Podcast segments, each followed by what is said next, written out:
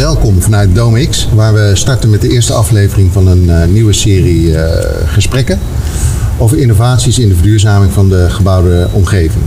Ik ben Niels Rood en samen met uh, Peter Linders, die vandaag de regie doet, diepen we in deze serie een onderwerp uit met twee of drie gasten. En we doen dat samen met Duurzaam Gebouwd. En vandaag haken we in op een thema van Duurzaam Gebouwd voor deze maand. Circulaire normen en waarderingen. Waarschuwing vooraf, de normen en waarderingen laten we in dit gesprek even, even zitten. Want dat is best technisch en voor je het weet volgt niemand het meer. Blijft over de circulaire praktijk. Onze gasten vandaag uh, staan met hun poten in de modder, eigenlijk vrij letterlijk. En uh, naast mij zit Charlotte Derksen. Uh, zij is net als ik werkzaam bij Squarewise, een transitiebureau. En zij is hier om te vertellen over een project waarin ze vanaf een braakliggend stukje land tot en met kant-en-klaar isolatiemateriaal kwam. En welke lessen heeft ze geleerd? wat, hoe, kunnen we, hoe kunnen die lessen de weg wijzen richting een opwindende toekomst? Vincent Hendricks, ook hier. Uh, hij speelt een thuiswedstrijd, want het is een telg uit de bouwdynastie Hendricks, gevestigd hier in Os. Um, dat is het bedrijf dat onder andere dit Dome X heeft neergezet, de mooie innovatiehub waar we nu te gast zijn. En Vincent richt de circulaire grondstoffen BV op. Hij doet nog veel meer, gaat het straks allemaal uitleggen. En uh, we gaan uh, zo meteen horen van hem waarom hij denkt dat er in de circulaire bouw muziek zit. We willen ook kritische blik aan het woord laten. Zo kent u mij en Peter misschien ook. Dus straks schuift Rolf Gerrits aan. Hij is projectleider circulaire economie, bouw en infra bij de provincie Noord-Brabant. En vanuit de publieke sector probeert hij de omschakeling naar circulaire bouw te veranderen. Gaat het volgens hem allemaal snel genoeg of is de bouwketen te behoudend? Charlotte, leuk je helemaal in uh, Os hier uh, te zien. Had natuurlijk efficiënt gekund. jullie hebben een project gedaan op initiatief van Vorm, waar je inderdaad met een braakstuk, braakliggend stukje grond begon. Ja, Kun je daar wat klopt. over vertellen? Uh, ja, Vorm is zelf bouwer en ontwikkelaar. En uh, die hadden eigen grond waar eigenlijk niks mee gebeurde, waar ze ook niet gaan bouwen. En ze hadden zoiets van: hé, hey, we willen heel graag wel actief worden meer in die biobased uh, bouwwereld, maar we weten niet zo goed hoe. En toen hebben wij eigenlijk met hun samen het plan bedacht van wat als we nou echt eens bij het begin gaan beginnen. En als we nou zelf eens gewassen gaan telen, om vervolgens te kijken van hé, hey, wat kunnen we daar dan mee in de bouw. Uh, dus zo, ja, zo is het eigenlijk begonnen. En welk gewas uh, werd dat? Het afgelopen jaar hebben we ons vooral gefocust op zorgen. Daar kan je bier van maken, toch? Daar kun je onder andere bier van maken, daar kun je brood van maken. En dat is dan eigenlijk allemaal van de, het graan wat er afkomt. En uh, van de stengel hopen wij dus bouwmateriaal te maken. Oké. Okay. En uh, wat voor stappen zitten daartussen? Ja, je moet beginnen met een boer die het überhaupt aandurft om eigenlijk een heel nieuw gewas uh, te gaan telen. Dus dat is soms best spannend. Gelukkig hebben wij er een gevonden die met ons die sprong wou wagen. vervolgens ga je met een nieuw gewas experimenteren, wat best wel, nou ja, dat is gewoon nieuw. Dus daar kom je van alles in tegen over of de grond wel of niet werkt, of het gewas wel of niet wil groeien. Um, en daarna kom je eigenlijk uh, richting een stukje verwerking. Wat wil ik met mijn gewas? Hoe ga ik het verwerken? Hoe zorg ik dat het materiaal juist te groot is, dat het juist droogt? Uh, en hoe ga ik het dan toepassen in de bouw? En waarom koos je dan voor zorgen als het allemaal zo nieuw en spannend is? Um, er zijn eigenlijk een aantal grote uh, uh, biobased gewassen spelers op het moment. Waarvan we zeggen, we weten er nog niet zoveel over. Maar we weten wel dat de vezelstructuur uh, van het gewas potentie heeft. Omdat het vrij vezelig is, omdat het goed kan drogen. weten we dat het stevig materiaal kan creëren. Maar er is nog weinig mee gedaan. En zorgen was eigenlijk een van die potenties waar nog weinig onderzoek naar was gedaan. Er speelt ook een rol dat je daar die dubbele opbrengst hebt eigenlijk. Dus ook dat je het graan zelf kan gebruiken. Klopt, dus dat zou uiteindelijk het mooie voordeel van zorgen kunnen zijn. Het gaan zou naar veevoer kunnen gaan, het kan naar bier gaan, het kan naar eten voor mensen gaan. Uh, en daarnaast uh, heb je het gewas. Dus dan heb je inderdaad uh, op zijn minst al een dubbele opbrengst van je stuk grond. Ja. Ja. Is het nou, als je het groter zou maken, is het dan een goed verdienmodel voor boeren? Gaat dat achter schuil of moet het, is het best lang nog van subsidie afhankelijk? Dat is nu wel heel erg zoekende. Dus wat je merkt is dat uh, we zitten natuurlijk in een hele grote transitie als je kijkt naar boerengrond. En iets wat heel erg nodig is in die transitie is dat we eigenlijk uh, CO2 op een juiste manier gaan waarderen. Uh, met zorgen sla je bijvoorbeeld CO2 op in de bodem en in het gewas. En als we gaan zorgen dat boeren daarvoor gecompenseerd worden, dat ze gaan opslaan in plaats van uitstoten, dan wordt het zeker wel een rendabel gewas. Nu zijn we daar nog niet. Er wordt gelukkig hard aan gewerkt door een aantal mensen. Ja, dat moeten we wel voor elkaar gaan krijgen. Jullie zijn wel bezig om uh, carbon gecertificeerd te worden. Carbon credits. Ja, dus daar wordt uh, op allerlei manieren naar gekeken hoe dat uh, gerealiseerd wordt. Ja, ja ook die, dat creditsysteem is natuurlijk een deel van het verdienmodel. Ja. Ik zit ook te denken, er komt niet iets uit zoals schuim of zo, waar je nu veel met stilstaande lucht kun je goed isoleren, zeg maar. maar wat, wat komt er eigenlijk uit als je, als je dit helemaal tot isolatiemateriaal verwerkt? Dus met de sorghum zijn we nu eigenlijk op verschillende manieren aan het experimenteren. Uh, waar we voornamelijk naar aan het kijken zijn, is om het gewoon puur in te blazen uh, in, in, kleine vlokken. Dus dat wordt nu met stro bijvoorbeeld al veel gedaan. Uh, en dat gaan we met zorgum in het aankomende jaar ook doen. Dan blaas je het gewoon in, bijvoorbeeld in houtskeletbouw. stevig op elkaar. Dan zorgt dat voor isolatie. maar wat we bijvoorbeeld ook aan het uittesten zijn, is dat je er plaatmateriaal van maakt. gewoon als vervanging van normale platen, spaanplaten. en er wordt ook onderzocht of het goed reageert op mycelium. Dus dat je er meer mycelium-isolatieplaten van kan maken. Leuk. Je was ook bezig met een project over lisdodden. Ja, klopt. Misschien eerst even uitleggen wat lisdodden is. Uh, lisdodden, dat is die uh, plant waar die sigaar bovenop zit. Daar ken je hem vaak aan. En hij ligt vaak naast of eigenlijk half in het water. Uh, groeit best wel veel in het wild. Uh, en daar ben ik inderdaad uh, betrokken bij een ketenproject. Waar we eigenlijk met de hele keten gezamenlijk zijn gaan kijken van hoe komen wij nou tot een prefab wandelement. Wat eigenlijk compleet gemaakt is van listodden.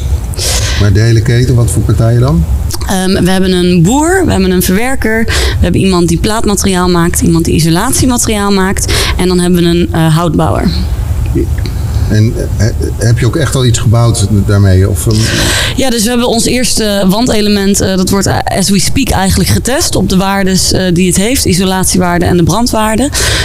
En dat is ja, een redelijk volledig element wat bestaat dan uit een mycelium isolatieplaat gemaakt van onder andere de listodden. Dan hele dikke listodden platen er tegenaan. dat wordt op die manier nu getest en dat zouden we dan inderdaad willen verwerken in houtskeletbouw.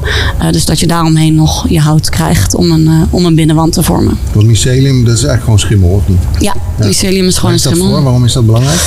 Uh, mycelium is eigenlijk een natuurlijke manier van materialen aan elkaar binden. Dus als dat met het juiste materiaal mengt, dan groeit het heel stevig en dicht aan elkaar, terwijl het wel nog heel luchtig is.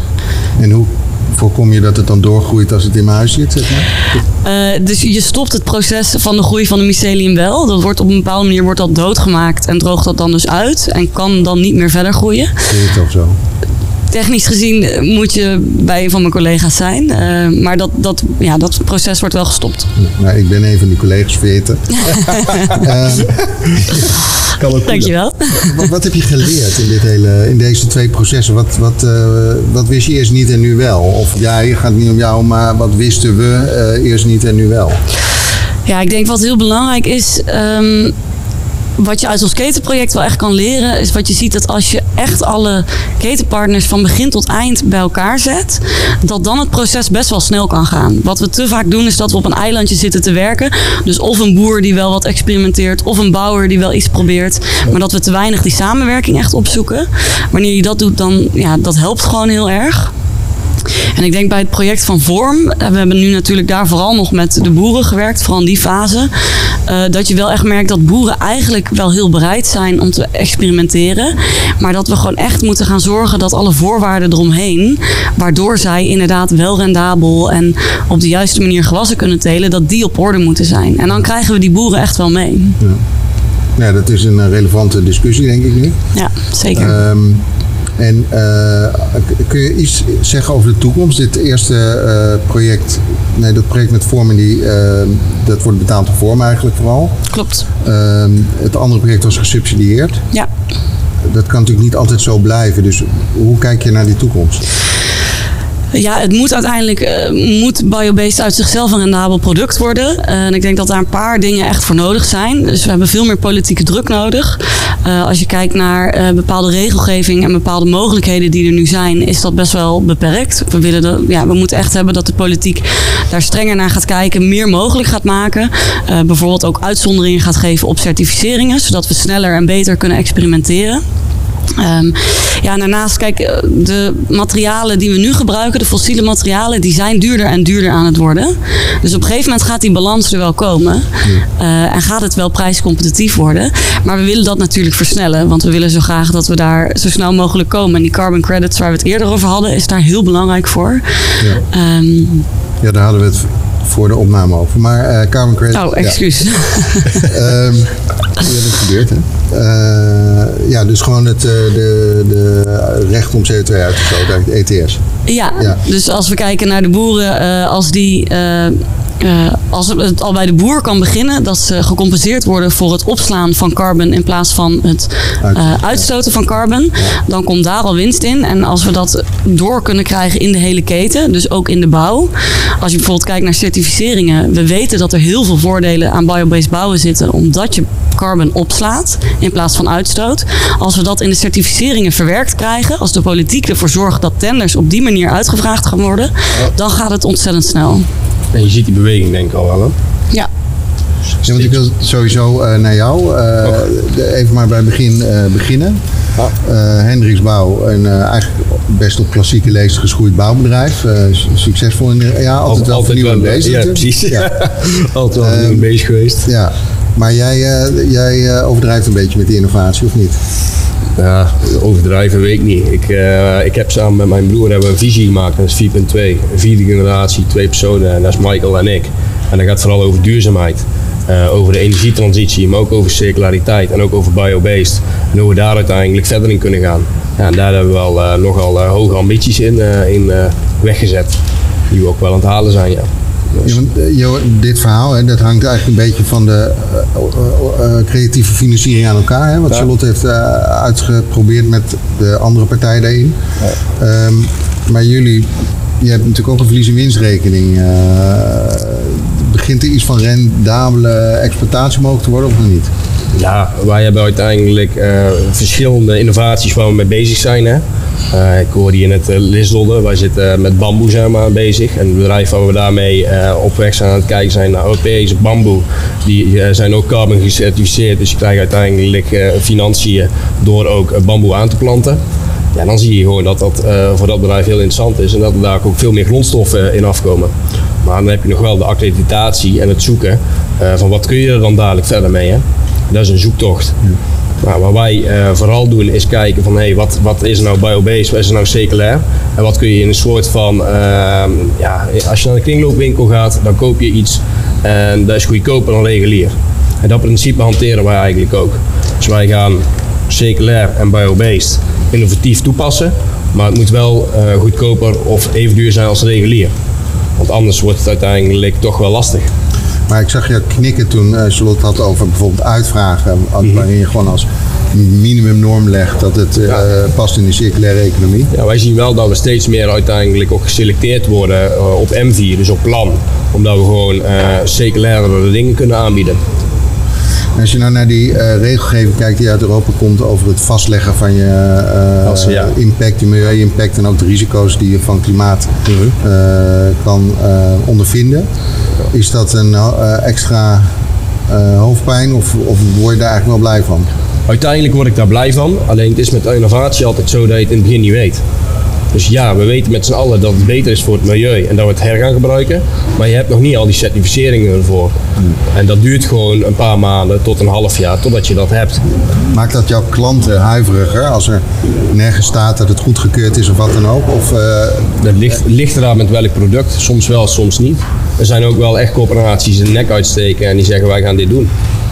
Je- En dan heb je ook meteen je bewijslast en kun je ook daarmee doorgaan. Dus Een van de andere dingen was die koud gebakken baksteen eigenlijk. Gewoon een baksteen, maar Ja. ik begrijp niet hoe die dan baksteen wordt en niet klei Ja, blijft. maar- Wij zijn uiteindelijk bezig met eh, verschillende ontwikkelingen. We hebben een ontwikkeling gedaan en dat is eh, dat je uiteindelijk een baksteen maakt van 100% afval. Maar nog steeds met een oven. We hebben anderhalf jaar lopen zoeken naar een productielocatie waar ze een oven hebben. Alleen die kregen we gewoon niet gevonden. En als we die kregen gevonden, was de investering zo hoog dat we eigenlijk zeiden: ja, hier kun je geen goed product meer van maken voor de prijs die we willen. Dus daarmee zijn we verder gaan denken. En nu zijn we verder aan het ontwikkelen ook om een koud gebakken baksteen te maken. Nou, koud gebakken zegt het al, dus geen oven nodig. Uiteindelijk lagere temperatuur wordt hij al hard. Eh, en hij is 95% circulair. En daar gaan we aankomende zomer mee naar buiten. Maar dat is dus eigenlijk niet uit klei, of wel? Gewoon een soort... 95% keramisch. Ehm, maar leuke ontwikkelingen. Goede Ja, ontwikkelingen, een denk ik. ontwikkeling, ja. Ja. En jij ziet, dat, hoe, want Hendrix is best een groot bouwbedrijf. Is dit een beetje een hobby erbij of zie je dit echt wel als een profitcenter van de toekomst? Er is een hobby erbij die, volgens, die uiteindelijk wel in lijn zit met het bedrijf. Zoals ik zei, hebben we een visie gesteld. Daarbij hebben we ook gezegd dat we een roadmap hebben van hey, waar kunnen wij het snelst en het meeste impact hebben op circulariteit en biobased in onze eigen producten. Zodat we eigenlijk ook onze eigen producten kunnen maken. Onze eigen grondstoffen meteen ook eh, daarop grip in hebben. Afgelopen jaar zie je ook dat grondstoffenprijzen flink omhoog zijn gegaan of omlaag gegaan zijn. Nou, als je circulariteit hebt, dan kun je daar, heb je daar grip op. Ja. Dus vanuit daar hebben we gezegd van wij willen uiteindelijk eh, isolatie bewerkstelligen. Wij willen eh, een, een constructief goedje bewerkstelligen. We willen uiteindelijk een gevel bewerkstelligen in circulair of biobased. En het moet gewoon makkelijk voor zijn. Ja. Dus daar zijn wij stapgewijs mee bezig om dat te vervullen. Wat zou jouw oproep zijn aan eh, mensen die toevallig kijken en eh, wellicht bij een provincie werken of eh, bij de Rijksoverheid of in, de, bouw- in de branche, in de branchevereniging? Ja, er zijn natuurlijk meerdere, meerdere oproepen die je dan krijgt. Want aan de ene kant is afzet een belangrijk iets. Veel mensen die zijn nog wat huiverig van ja, we kennen het niet en zijn niet zo voortstrevend. Maar dat mag wel wat meer zijn. Er mogen toch wel wat meer mensen zeggen van hé, hey, wij willen jullie producten af gaan nemen. Aan de andere kant is, de, is het ook wel zo dat je, dat je wat sneller eh, door de mangelmolen mag eh, komen, dat je product gewoon eh, gecertificeerd is en ook toegepast kan worden. En is, want dat is een nadeel wegnemen. Zou het ook nog kunnen helpen als er normering kwam op eh, die juist min of meer dingen verplicht maakt? Dus je kunt zeggen, haal die obstakels dus weg, want ik heb daar last Ik van. denk dat die al deels ook al eh, er is vanuit de aanvraag. Er zijn al heel veel eh, aanvragen die echt op circulariteit toezien, waardoor je maximale score kan maken. En natuurlijk mag daar nog wat intensiveren, maar het is er wel al. Dat is er wel. Ja. Ook vanuit eh particulier of bedrijfsleven? Of is het vooral vanuit de overheid? Eh, vaak zie je dat eh, bij de ontwikkelaar dat vanuit de gemeente ook wel wordt aangegeven dat er zoveel procent circulair in moet, moet zitten. Of dat er wel aan gedacht moet worden. En natuurlijk heb je daar ook de wetgeving dat in 2050 er heel veel circulair gebouwd moet worden. Maar houden partijen ervan aan? Of zeggen ze van ja, en dat is het. Dus blijft het papier? Of? Ik zie daar wel een kentering in. Ik zie wel in dat steeds meer uiteindelijk ook echt, echt op toegezien wordt. En dat is goed. Dus, Nou, dankjewel. Super veel succes eigenlijk. Want Ja. het zijn opwindende eh, ontwikkelingen. Leuk om te horen.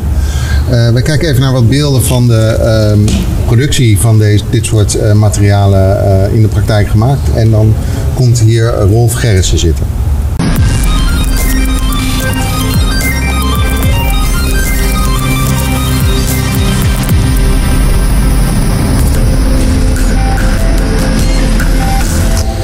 Rolf Gerritsen, je Ja. bent eh, projectleider circulaire bouw en infra. Zeg ik dat goed? Ja, klopt helemaal. Ja. Bij de provincie Noord-Brabant. Klopt. Ehm, je hebt geluisterd natuurlijk naar Charlotte en naar eh, Vincent. En hoe, hoor, hoe luister je daarnaar? Wat denk je dan? ja, dit zijn wel de koplopers natuurlijk. En eh, ja, dat, dat zien we heel graag. Dat zijn de partijen die innovatief bezig zijn en ook al echt dat onderwerp omarmd hebben.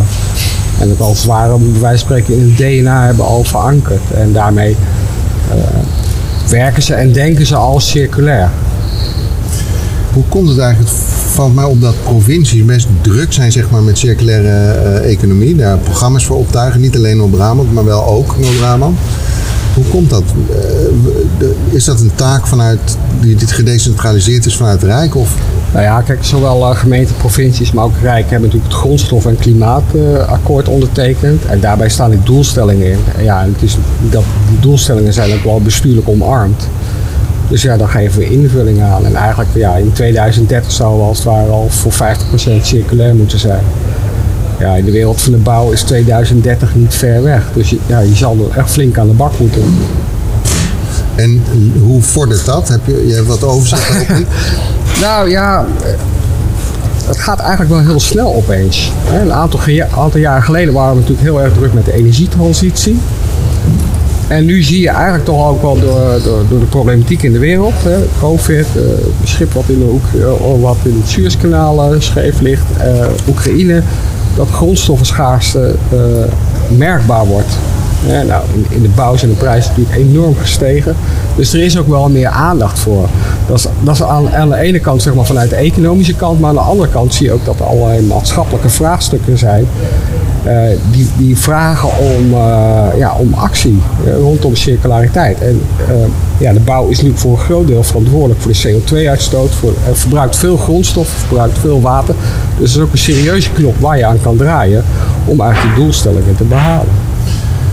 Maar Vincent zei net, het moet eigenlijk wel goedkoper zijn, net zoals bij een kringloopwinkel, dan, dan nieuw of Virgin. Ben je het daarmee eens dan? Ja, zo zit de wereld nu nog wel in elkaar natuurlijk. Maar gaan we naar, dat is eigenlijk nog gedacht vanuit de lineaire economie. Maar gaan we meer vanuit de circulaire economie, dan, dan heb je het eigenlijk over eindwaarden. En hoe ga je dan met die eindwaarden om? Zover zijn we nog niet, maar daar gaan we denk ik wel naartoe. Hè? Dus je ziet eigenlijk ook wel in de financieringsmodellen zie je dat steeds meer terugkomen. En financieringsmodellen gaan er ook anders eh, eh, uitzien. Hè? Net waar de carbon credits. Ja, als dat gaat plaatsvinden, dan krijg je ook een heel ander verhaal. Eh, dus het is ook een nieuwe ordening eigenlijk van je, van je financiering. Maar de provincie Utrecht heeft een prijskaartje gehangen, hè, wat volgens hun dan die eh, uitgestoten ton eh, CO2 eh, Ja. kost.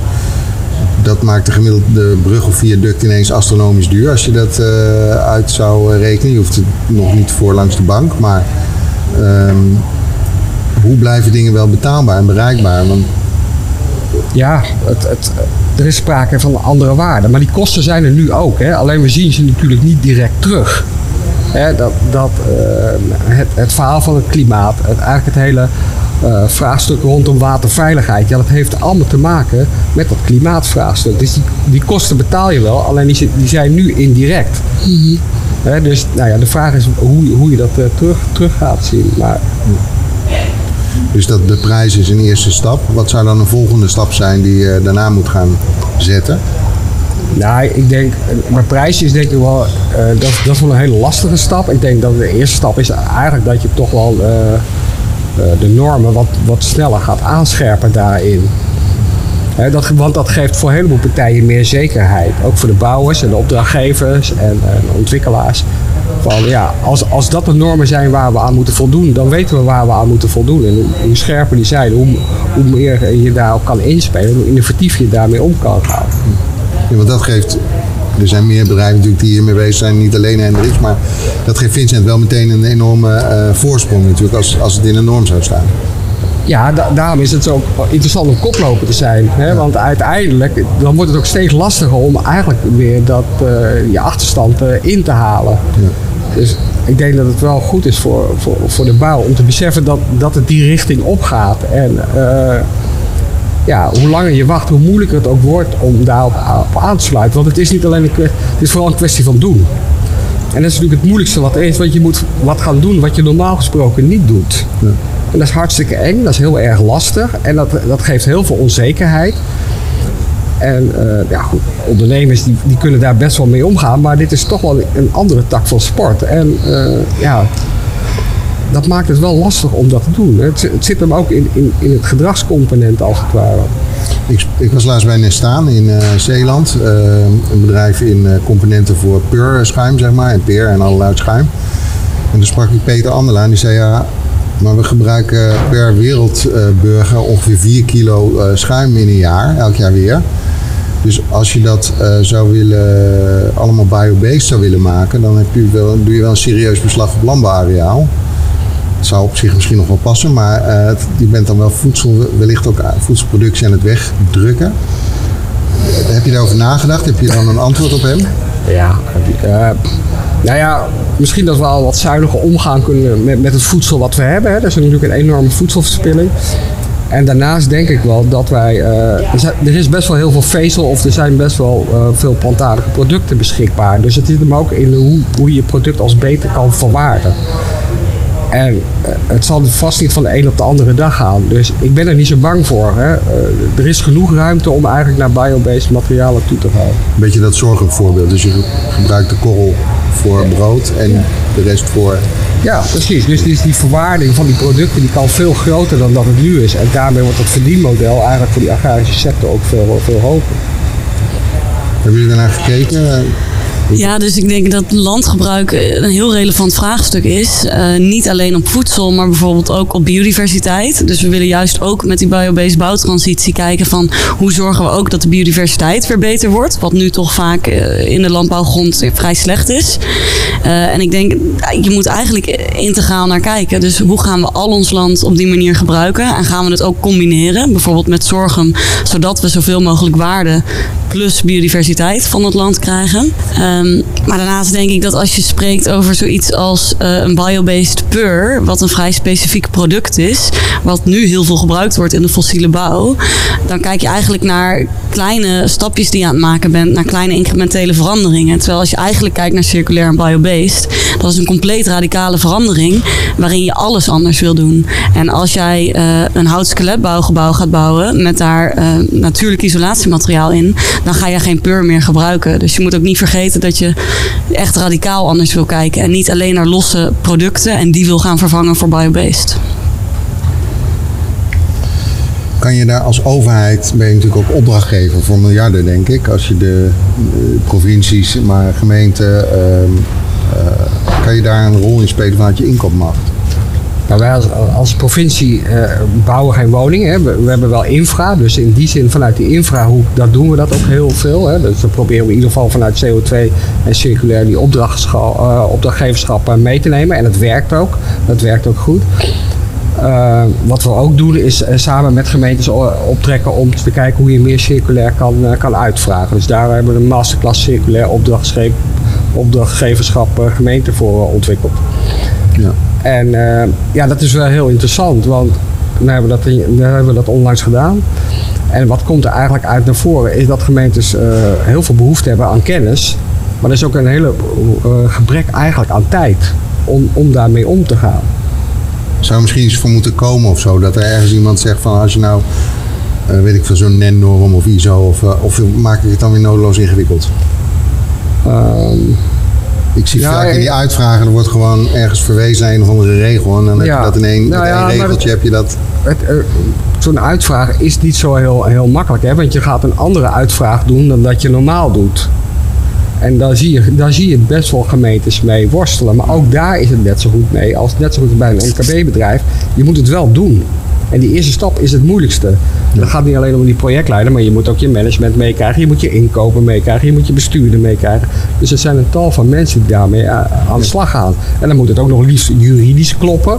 Ja. Dus, maar uiteindelijk gaat het wel om het doen. En daarvoor heb je wel kennis nodig. En nou, via die masterclass proberen we dat kennisniveau eh, omhoog te krijgen. Komt die ook weer terug? Eh, Ja, daar willen Dus we zeker weer een vervolg aangeven. Dus eh, mocht je die willen volgen, Google is je vriend. wat zou jouw oproep zijn? Dat vroeg ik eh, ook aan de anderen. Maar wat zou jouw oproep zijn naar mensen die eh, per ongeluk naar deze, dit programma kijken? Nou, ik, ik denk dat het eigenlijk wel eh, gezegd is, maar het, het zit hem eigenlijk in die samenwerking. Je kan het niet alleen, dus je moet het samen doen. En je moet het met elkaar het gesprek aangaan en dan kijken van, eh, want uit- uiteindelijk zitten jullie in een aantal gevallen ook in, in, anders, nieuw. Hè? Als we het over doorbraakprojecten hebben of anders doen, ja, dan ga je een weg in, dat, weet, weten we niet. Hè? Want het is, we staan echt wel voor een enorme transitieopgave. Er zijn veel maatschappelijke problemen die daar eigenlijk wel mee te maken hebben. Neem de problematiek van de landbouw of de, de stikstof. Dus daarin heb je elkaar nodig. En daarin moeten we met elkaar het gesprek aangaan. En door dat met elkaar het gesprek aangaan, zorgen we ook dat het kennisniveau eh, omhoog gaat. Ja, dan wordt het al een stuk makkelijker om eh, die stappen te ondernemen. Maar klinkt het nu als dat het heel lang gaat duren? Nee, het gaat, ik, denk, nee, ik denk dat we wel in een stroomversnelling zijn. Ja. Want ja, de noodzaak wordt ook steeds groter. Ja. Uiteindelijk is er, stikstof is nu een, een remmend element. Maar CO2 zal het zo meteen ook wezen. De hoeveelheid beschikbare CO2 die wordt alleen maar kleiner. Dankjewel. Jij bedankt. Dank je. Vincent bedankt natuurlijk. En dit was hem alweer eh aflevering 1 van deze serie eh, gesprekken. Ehm, bedankt voor het kijken ook. En eh, als je eh, wil luisteren hierna in de auto, we maken er ook een eh, audioversie van in de eh, podcast-app die je gebruikt. En de volgende keer gaan we kijken naar een betaalbare warmtetransitie. Eh, die ga ik laten presenteren door Peter Linders. Eh, hoewel die nu ontzettend druk is met zijn camera en niet op mij let. Maar ehm, namens hem ook bedankt. Duurzaam eh, gebouwd en uh, take your energy. Tot de volgende keer.